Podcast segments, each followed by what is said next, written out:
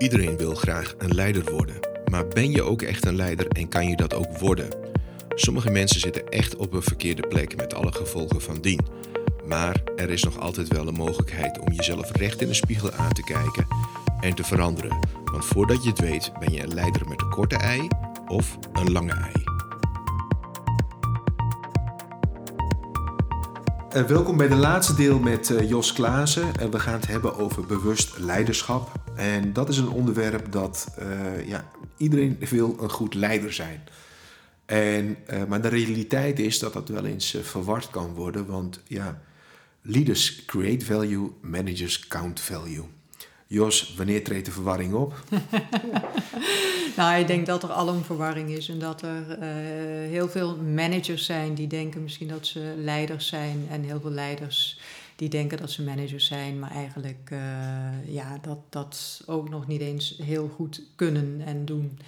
Um, hoe komt dat? Dat, ze, dat ze verward raken? Ja, ja, hoe komt dat? Ik denk dat het uh, eigenlijk onder management al begint. Hè? Dat vaak mensen doorgroeien naar een managementrol terwijl ze daar uh, niet echt uh, geschikt voor zijn. Dat het toch niet echt ook hun passie is en dat ze daar heel veel energie van krijgen. Maar dat ze dat doen omdat de omgeving denkt dat dat goed is voor hen. omdat ze een beter salaris kunnen krijgen, meer aanzien krijgen, et cetera. We zijn als mens eigenlijk altijd wel op zoek naar een stukje erkenning. Dus dat is heel logisch en, en goed te volgen. Maar um, ja, ook onder managers en leiders zitten veel mensen niet echt op hun plek. En uh, dat is heel jammer. Maar je ziet, als je het over leiderschap hebt, heb je daar ook niet alleen over leiders aan de top. Maar ik denk dat iedereen in zijn leven gewoon leiding kan nemen over zijn eigen leven. En, en ja, een bepaalde vrijheid nemen om echt te doen uh, wat jou ligt en waar je heel goed in bent. Maar daarvoor moet je wel jezelf kennen. En dat is vaak wel uh, het meest moeilijke, want uh, ja, we gaan niet standaard naar de psycholoog in Nederland. we, gaan niet standaard, we nemen niet standaard een mentor ja. aan die jou ja. op een positieve manier doorzaagt. Hè? Want dat, is, dat zijn allemaal ja, een beetje taboe onderwerpen, toch wel. je zei net, mensen niet op de goede, goede plek zitten.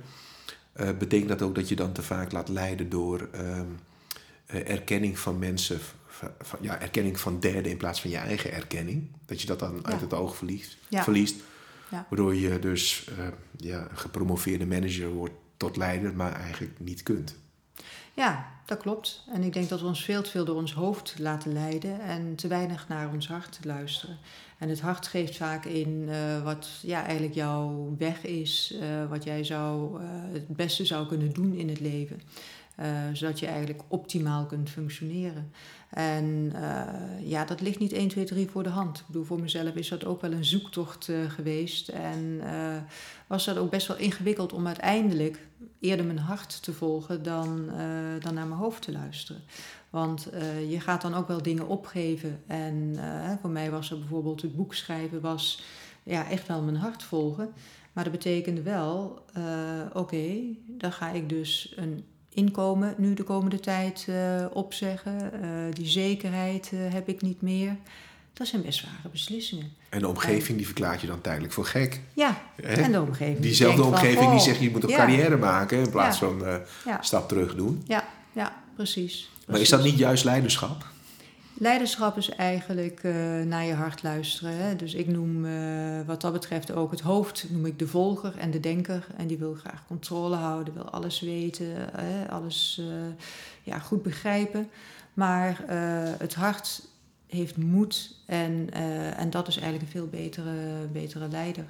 En er gaat veel meer ook op het gevoel en je lichaam. En we zijn denk ik door de jaren heen ja, verder van ons lichaam komen af te staan. Klinkt misschien een beetje raar, uh, maar ik zie dat we heel ver van de natuur zijn komen af te staan. En uh, ik zie ook vaak mensen, en zo ben ik zelf ook geweest, uh, dat je niet meer echt voelt wat je nodig hebt.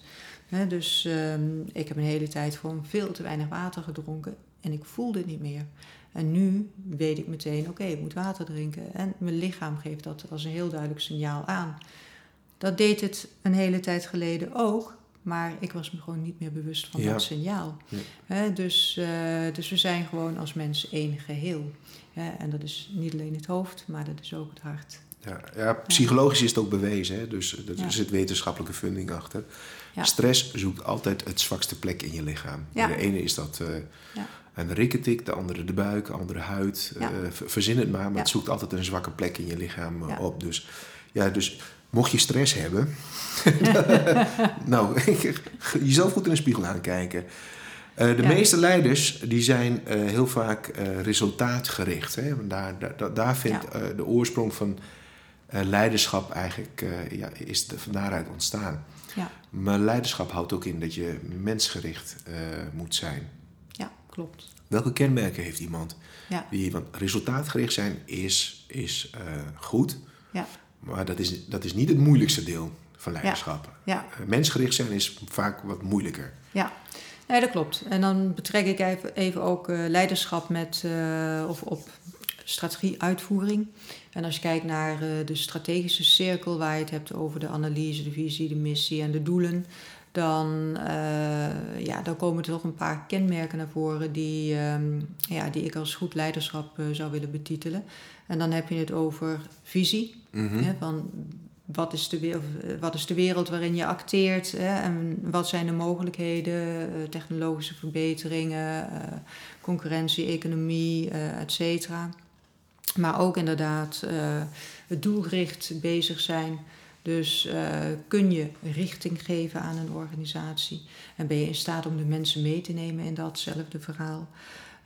maar tezelfde tijd heb je ook de realiteitszin. Hè, van zijn die doelen niet te hoog gegrepen uh, als zodanig. En dat geeft meteen ook weer de noodzaak van flexibiliteit. Ben je flexibel genoeg om aan te passen waar dat en wanneer dat, dat nodig is. Uh, dus dat zijn voor mij wel kenmerken die heel duidelijk te maken hebben met resultaatgericht bezig zijn.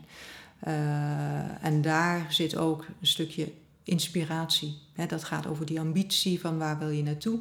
Uh, en als je de mensen weet te inspireren, dan kun je daar ook gewoon uh, heen gaan. En dat is het menselijke deel van, van leiderschap. Hè? Ja. Dan kom je meer op dat vlak uh, terecht. Ja. je ziet dat op het moment dat je die, die, de doelen, de visie en de strategie uitspreekt... Ja. Linksom of rechtsom, in één keer heb je gratis, zijn jouw medewerkers een keer gratis consultants geworden. Want die hebben allemaal een mening. Ja die, gaan, uh, die vinden daar wat van. Uh, die vinden wat, uh, iets over de visie en een strategie. En zie je nou wel, hij heeft helemaal niet geluisterd. Want die klanten die hebben al lang dit gezegd. Die zijn lang weggelopen. Kortom, ja, ja hoe, hoe, krijg je dat weer in gareel? Want ja, je, je, je, medewerkers worden ongevraagd. altijd onbewust consultants in jouw bedrijf. Ja, nee, zeker altijd een uitdaging. En zeker als ik even terugdenk aan de eerste podcast... wij Nederlanders als zodanig... Um, ja, in het model wat ik heb getekend voor uh, strategieuitvoering heb ik het over vijf stappen hè, die je tot uh, resultaat brengen. En dat zijn eigenlijk de vijf uh, minimale stappen die je zou moeten doen om inderdaad te komen tot een goed gewenst resultaat, wat ook nog duurzaam is. Um, en in die stappen ja, wil je de mensen gewoon meekrijgen. En uh, nadat ik het model heb ontworpen, kwam ik erachter dat gewoon die, die vijf uh, termen die ik noem: mhm. analyse, visie, missie, doelen, acties en resultaat, als gevolg. Uh, dat zijn eigenlijk de ankers van de bovenstroom en de onderstroom. dus, dus wat je net zegt van, ja, je hebt altijd wel een mening of het goed gaat of slecht gaat in een bedrijf. Maakt niet uit op welke positie dat je zit. Ehm, of je zelf inderdaad een leidinggevende functie hebt, ja of nee. Uh, je wil altijd op een gegeven moment uh, erkend worden als mens. Je wil gezien en gehoord worden. En dat geldt zeker als het gaat over uh, de doelstellingen en de acties. want daar wil je zeker totale zeggenschap over, over hebben en die verantwoordelijkheid voelen. Ja. En ehm, zijn bewuste leiders, ja, die zijn er natuurlijk bewust van, maar een hele hoop natuurlijk uh, niet. Hè. Die komen gaandeweg ja. het proces achter. Van oh shoot, er gaan een paar dingen niet goed. Ja. Uh, we moeten actie ondernemen. Ja. Uh, hoe ziet zo'n. Hey, in jouw boek heb je het over Anna. We gaan geen boekbespreking doen, maar het is wel een heel mooi voorbeeld dat je gaandeweg die bewustwording ziet optreden. Wat doet dat? Wat gebeurt dat? Want ja, nogmaals wat ik net zei, je hebt in één keer al jouw medewerkers zijn ongevraagd consultants geworden. Ja. En, en ze kijken allemaal naar jou. Hè? Als de koffie niet lekker smaakt, jij was de eindverantwoordelijk voor de Bona-machine. Ja. Kerstpakket is niet dik gevuld, jij was er uiteindelijk voor verantwoordelijk. Weet je? Dus ze kijken allemaal naar jou. En ja. dan moet je toch wel heel sterk in je schoenen staan. Wat, wat gebeurt er dan in zijn hoofd? Ja. Ja, een leider heeft een hele zichtbare functie natuurlijk. Uh, dus je valt als eerste op. Terwijl als je, zeker als je een groot team aanstuurt, dan ken je zelf niet iedereen. Dus, dus dat maakt het ingewikkelder. Um, maar heel belangrijk is het denk ik als leider om gewoon echt letterlijk de dialoog aan te gaan. En dat is tweerichtingsverkeer. En dat begint ook vaak met luisteren. Echt luisteren. En onbevooroordeeld luisteren. En dat is heel lastig voor heel veel mensen. Uh, Ze zeggen ook wel eens, uh, afhankelijk in wie je gelooft, God of de natuur, maar je hebt twee oren en één mond gekregen. Niet andersom. dus, ja. Ja, ja, ja. ja. ja. nee, dat klopt. Dus, uh, dus ja, dat luisteren is een hele belangrijke. Daarnaast vragen stellen vind ik ook heel belangrijk. En ik heb zelf al gemerkt dat ik soms vragen stelde terwijl ik eigenlijk zelf het antwoord wist. Maar uh, ik had zoiets van ja, maar degene die het vraagt weet het antwoord ook. En het is eigenlijk veel beter als die zelf met het antwoord komt. Mm-hmm. Want dan ja, internaliseert die persoon dat antwoord en gaat het veel meer vanzelf. Dus dan wordt het niet opgelegd, maar dan komt het gewoon echt van binnenuit. Dus, uh, dus vragen stellen is een heel belangrijk iets in, de, in dat hele verhaal om, om draagvlak te creëren. Ja. En um, vragen stellen, dat, dat, dat, is echt wel een vak apart, hè? Want dat, ja. dat, dat is niet iets wat je zomaar, of ja, dat kun je wel zomaar doen, maar ja. dat, je kunt er heel veel meer be bereiken. Um, in, in goed leiderschap ontwikkel je. je. Je wordt niet geboren als een leider, maar je omgeving kan er wel voor zorgen dat je een aantal voordelen meekrijgt. Dat je een goede start hebt.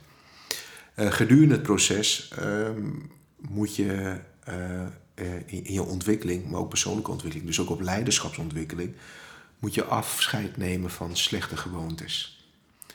En dan kom je op zelfreflectie ja. uit. Ja. Lukt dat ook altijd? ik denk niet dat dat iedereen altijd uh, lukt. En uh, ik heb het zelf ervaren als ja, toch een moeilijk proces. en het heeft ook jaren geduurd voordat ik daar aan, aan toe was. Ik denk dat ik terugga naar iets van 2008 of zo. Dat ik een coach had en die vroeg aan mij van... joh, ben jij een hoofd, hart of buikmens? Nou, ik keek hem aan en ik dacht van, nou ja, ik weet het antwoord wel, dus ik zei hard. Maar ik was gewoon keihard een hoofdmens. En uh, alles ging in mijn kopie om. En uh, van daaruit redeneerde ik. En ik dacht dat ik het allemaal begreep en wist. Uh, maar goed, hij maakte met die opmerking en die vraag waarop ik eigenlijk geen antwoord wist, maar wel beantwoordde, uh, maakte hij wel wat los. En uiteindelijk is dat voor mij het begin geweest van een proces van ja, reflecteren en veranderen. En me bewust worden van hoe ik naar de wereld keek. Of hoe de wereld naar mij keek. En, en dat ik op een bepaalde manier mezelf neerzette. Uh, ik heb heel erg in een mannelijke macho-wereld uh, gewerkt. Jo, uh, ik ook. jij ook, oh, ja. ja. Nou, precies. Ja. En als vrouw en als leidinggevende was het dan toch heel vaak ook van... oké, okay, dan moet je gaan, gaan staan. En uh, een van de opmerkingen die ik bijvoorbeeld terugkreeg in die tijd was ook van: joh, jouw stem is veranderd. Je bent om een lagere toon gaan spreken. Echt waar? Ja. Dus ik was helemaal verbaasd toen me dat werd teruggegeven, weet je wel. Uh, en, die, had dat zijn... zien, die had je niet zien aankomen, natuurlijk. Nee, nee, nee, nee. En dat zijn toch hele onbewuste aanpassingen die je doet om jezelf neer te zetten. En uh, nou, als je van dat soort dingen bewust gaat worden, ja, dan maak je, maak je stappen. Ja. Dan ben je bezig met zelfreflectie. En de volgende stap is natuurlijk van oké, als je dat dan weet, ga je dan inderdaad die, die transformatie aan. Durf je inderdaad uh, dat gedrag of die houding dan om te keren. Ja. Nee, voor de mensen die het uh, leuk vinden, een, een weetje en een feitje en ook uh, het is echt waar, dat heb ik van, van mijn psycholoog teruggekregen. En het heeft te maken met synapsverbindingen. Dus als je een bepaalde gewoonte hebt, dan heb je die synapsverbindingen in je hersenen. Ja. En die kunnen 10, 20 jaar lang heel sterk ontwikkeld zijn, waardoor je geen andere dingen doet of toelaat.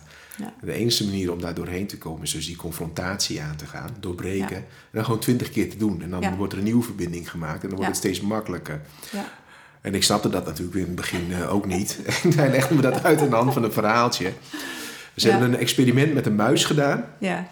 In een hokje. Ja. Uh, het hokje was in tweeën gedeeld. Links had je een metalen plaat. Een muurtje ertussen. En rechts zeg maar een stukje vloerbedekking. Ja. Op de metalen plaat uh, lag ook het voederbakje. En een lampje. Dus het muisje kreeg eten. en, en na zoveel tijd ging het lampje aan. En na 15 seconden kwam er stroom op dat metalen plaatje waar het voederbakje zat. Dus had hij na drie keer had hij dat door. Hij dacht, ja, dat gaat me niet gebeuren. Dus hij sprong naar het, over het muurtje of het tapijt. Nou, lampje ging uit, sprong weer overheen, kreeg weer eten. Lampje ging aan en hij dacht van, oh shoot, weet je, stroom komt erop. Ja. Dus hij sprong weer terug. Ja. En dat proces hield hij vol, totdat de wetenschappers deden als test. Van, nou, weet je wat, doe het lampje aan, maar zet er geen stroom op. Maar de muisje bleef heen en weer springen. Ja, omdat hij zo geconditioneerd was in zijn hersenen. Ja. En dat gebeurt ook met uh, ja, bewust of onbewust leiderschap. Je bent toch jezelf aan het conditioneren. Hè? En dan, omdat doorbreken uh, vergt wel wat. Dat brengt mij ook meteen op een ander onderwerp. leiders je hoort ook wel eens dat leiders hele goede dingen doen. Hè? Ja. maar soms gaat het ook wel eens mis. Hè? Overal waar te veel voor staat, te veel succes, te veel geld, te veel aandacht, te veel maîtresses, noem het maar op allemaal, dan, uh, dan gaat het mis. Ja. Uh, uh, wat, hoe, hoe ontwikkelt zo'n proces? Ja, ik heb al wat net onderwerpen genoemd, maar ja. dan, dan lijkt me juist heel moeilijk om bewust te zijn van je gedrag. Ja, ja, dat klopt. En uh, omdat er ook vaak afstand is hè, tussen de manager en het team of de leider en, uh, en het team. En uh, dat de mensen in het team dan zo'n leider ook niet meer durven aan te spreken op wat er dus niet goed gaat, et cetera. Dus zo'n zo'n leidinggevende functie, zeker als bijvoorbeeld CEO of directeur aan de top van een bedrijf, kan heel eenzaam zijn. En, en je krijgt dus heel weinig feedback. Uh, dus als je zelf niet op zoek gaat naar feedback, dan uh, is het ook heel moeilijk om inderdaad je echt bewust te worden. Want het zijn toch vaak de tekenen die anderen jou geven. Mensen zijn elkaars spiegel. Mm En uh, de ene keer zeg je iets tegen mij van wat echt voor mij bedoeld is. Maar het kan ook zomaar zijn dat jij iets zegt wat misschien niet zozeer voor mij bedoeld is, maar wat eigenlijk voor jezelf bedoeld is, omdat je dat in mij als spiegel dan, dan ziet of herkent. Um, en leiders ja, vinden het gewoon lastig om inderdaad uh, vertrouwelingen in hun omgeving te vinden, waarbij ze zichzelf kwets, kwetsbaar durven op te stellen. Is dat voor jou een goede indicatie op het moment dat je met, bij een bedrijf binnenkomt, je gaat met een leiderschapsteam aan de slag? Als je al ziet van hey, ze hebben een heel goed open feedback systeem naar elkaar, dat dat gewoon ja, het stuk makkelijker wordt voor jou om, om die transformatie en strategie en de leiderschap te begeleiden? Ja, als er openheid is, dan is het voor die leider gewoon veel makkelijker om inderdaad sturing te geven aan de organisatie en de mensen mee te krijgen. Uh, dus, uh, en voor mij is de uitdaging om juist dat stukje openheid te creëren. Mm, en een leider inderdaad zover te krijgen dat hij dat, uh, dat aandurft. Ja. en dat hij met zijn team inderdaad uh, echt open de discussie over alle onderwerpen durft aan te gaan. Ja. ja. Nou weet ik uit ervaring dat mannen niet graag praten over dat soort dingen. dus ja. Jos, wat is je geheim? Wat, wat, nee, wat, wat gebeurt er? Want ja, uiteindelijk, het is, als, als ze niet gewend zijn... Ja en je, zegt tegen een, eh, een CEO of een eh, directeur van joh, die, die oestertje moet toch echt even open. want anders gaat er niks gebeuren. Ja. Ja. Uh, wat gebeurt er? Ja. Vertrouwen is zeg maar het toverwoord in deze. Hè? Dus iemand moet je vertrouwen om inderdaad dingen te durven zeggen. En mhm. nou, dat is iets wat je ja, dat, dat is er of is er niet. Je kunt het wel creëren, je kunt het opbouwen. Ik heb zelf zeg maar, mijn carrière hier in Nederland begonnen bij een Japans bedrijf. Uh, ik spreek Japans en uh, dat was toen in die tijd uh, was dat nog redelijk uniek ook. En het heeft me letterlijk een jaar gekost om het vertrouwen van de Japanse managers en leidinggevenden te winnen, of de andere Japanners in de organisatie. Maar op een gegeven moment was dat er wel. Maar zij vonden natuurlijk doodeng dat ik hen kon verstaan en dat ik hun antwoord kon geven in hun eigen taal. Ja, hun, hun, Want dat was hun geheimtaal. En ja. in die taal maakten ze gewoon de afspraken en, en uh, ja, bereikten ze de dingen. En, en dat was natuurlijk heel uh, ja, bedreigend uh, in het begin. Maar toen ze merkten van oké, wat we haar vertellen, dat vertelt ze niet verder. Ze gaat er goed mee om. Een stukje integriteit. Uh, een stukje respect. En uh, ja, dan win je dat vertrouwen. En dan kun je inderdaad uh, bereiken wat je zegt, dat iemand zich kwetsbaar durft op te stellen. Ja, dus bewust leiderschap is ook, begint met vertrouwen. Ja. Oh, Oké. Ja. En um, wat ik net al zei, je moet op een gegeven moment dus iedereen ook meekrijgen in dat proces. Hè? Ja. In het Engels heet dat alignment. En uh, in Nederlands alle hens aan dek, geloof ik. en dan, uh, maar ja, weet je, dan ben je een gesloten oester en dan ga je wel een beetje open en dan ga je praten en zo. Maar ja, de medewerkers die hebben gezien, nou, die, die Henk, die, die directeur of die uh, baas of die CEO bij ons, ja, aardige vent, maar die houdt toch altijd zijn kaken stijf op elkaar. En die, die delegeert maar wat. Dus ja. nou ja, ja, we proberen het maar. Hè? Dan, weet je, dus je hebt al een valse hm. start. Uh, ja. Hoe trekken ze dat recht? Ja. Nou, je hebt het eigenlijk over diversiteit. Hè? er zijn heel veel verschillende mensen natuurlijk. En uh, in mijn optiek, niemand is gelijk, maar iedereen is gelijkwaardig. Uh, dus, dus je moet iedereen als gelijke behandelen, naar mijn idee. maar iedereen heeft zijn eigen kleur. Dus je kunt een introvert persoon hebben mm -hmm. en een extravert persoon. En nou, allerlei uh, smaken uh, kom je gewoon tegen. Dus het is ook een kwestie van je proberen af te stemmen op degene die tegenover je hebt uh, zitten, waarmee je in gesprek bent en dingen wil, wil bereiken. Dus ja, misschien kun je op een andere manier dan bereiken dat iemand toch wat opener wordt. En hij zal misschien niet zo open worden als een ander, maar ja, je kunt wel op, op een andere manier zorgen dat, dat iemand meegaat in dat proces. Heb jij ervaring uh, daarmee, de, de, de, zonder namen te noemen uiteraard, van iemand die uh, ja, behoorlijk gesloten was of leek, maar toch uiteindelijk toen hij ja, zeg maar, open ging, die vertrouwen kreeg, mm -hmm. dat hij ook inzag dat het ja. makkelijker was om die organisatie te veranderen? Ja. Ja, ja, ik heb wel uh, met uh, een van de mensen uit mijn, uh, een van de teams waar ik leiding heb gegeven, heb ik wel een aantal gesprekken gehad. en de persoon zat gewoon niet lekker in zijn vel. En dat werd afgereageerd op de omgeving. Dus ik ben begonnen met hem ook vragen te stellen. En geleidelijk aan in een aantal gesprekken bleek inderdaad, en eerst was het allemaal een beetje van zich afhouden en er niet over willen praten. Maar uh, in het tweede, derde gesprek uh, bleek wel van, ja, had toch wel dingen onthouden die ik had gevraagd. En hij ging steeds iets meer tonen. En op een gegeven moment was het inderdaad van, ik geloof niet dat ik goed bezig ben. Nou, en opeens werd hè, van gesloten en afwerend en hè, die, die, die weerstand uh, eigenlijk, ja, werd er toch gewoon openheid. En uiteindelijk van, oké, misschien zit ik niet op een goede plek. Uh, zullen we gaan kijken naar een andere baan? Of ik ga kijken naar een andere baan. En dat is dan met respect voor degene die dat, die dat zegt. Hè? Die, die uh, komt zelf tot die conclusie. Ik had het kunnen zeggen als manager van... Goh, ik denk niet dat je op, je op de juiste plek zit. Maar omdat hij het zelf zei... was het eigenlijk met meer respect uh, voor de persoon... en gaat het veel makkelijker in de organisatie. En die heeft dus zelf ingezien dat dat uiteindelijk. Ja. Dat, dat is eigenlijk een hele mooie ja. uh, groei van je eigen leiderschap. Uh, ja. uh, het heeft wel tijd geduurd, maar de resultaat is dat hij waarschijnlijk gelukkiger en beter functioneert op, Een, op een andere plek. heb jij nog tips, suggesties voor mensen die toch luisteren en zeggen van ja, weet je, het bewust leiderschap spreekt me wel aan. Uh, maar ja, heb je één of twee uh, ja, takeaways of dingen die je zou willen delen van ja, kijk daarna eens als je, als je daar toch mee bezig bent? Ja, nou allereerst uh, bewustleiderschap geldt voor eigenlijk iedereen. Dus of laag in de organisatie, dus echt per individu. En ja, wat ik gewoon iedereen gun, is inderdaad een veel bewuster leven. Hè? En dat begint toch inderdaad met een stukje zelfreflectie en openstaan uh, voor groei.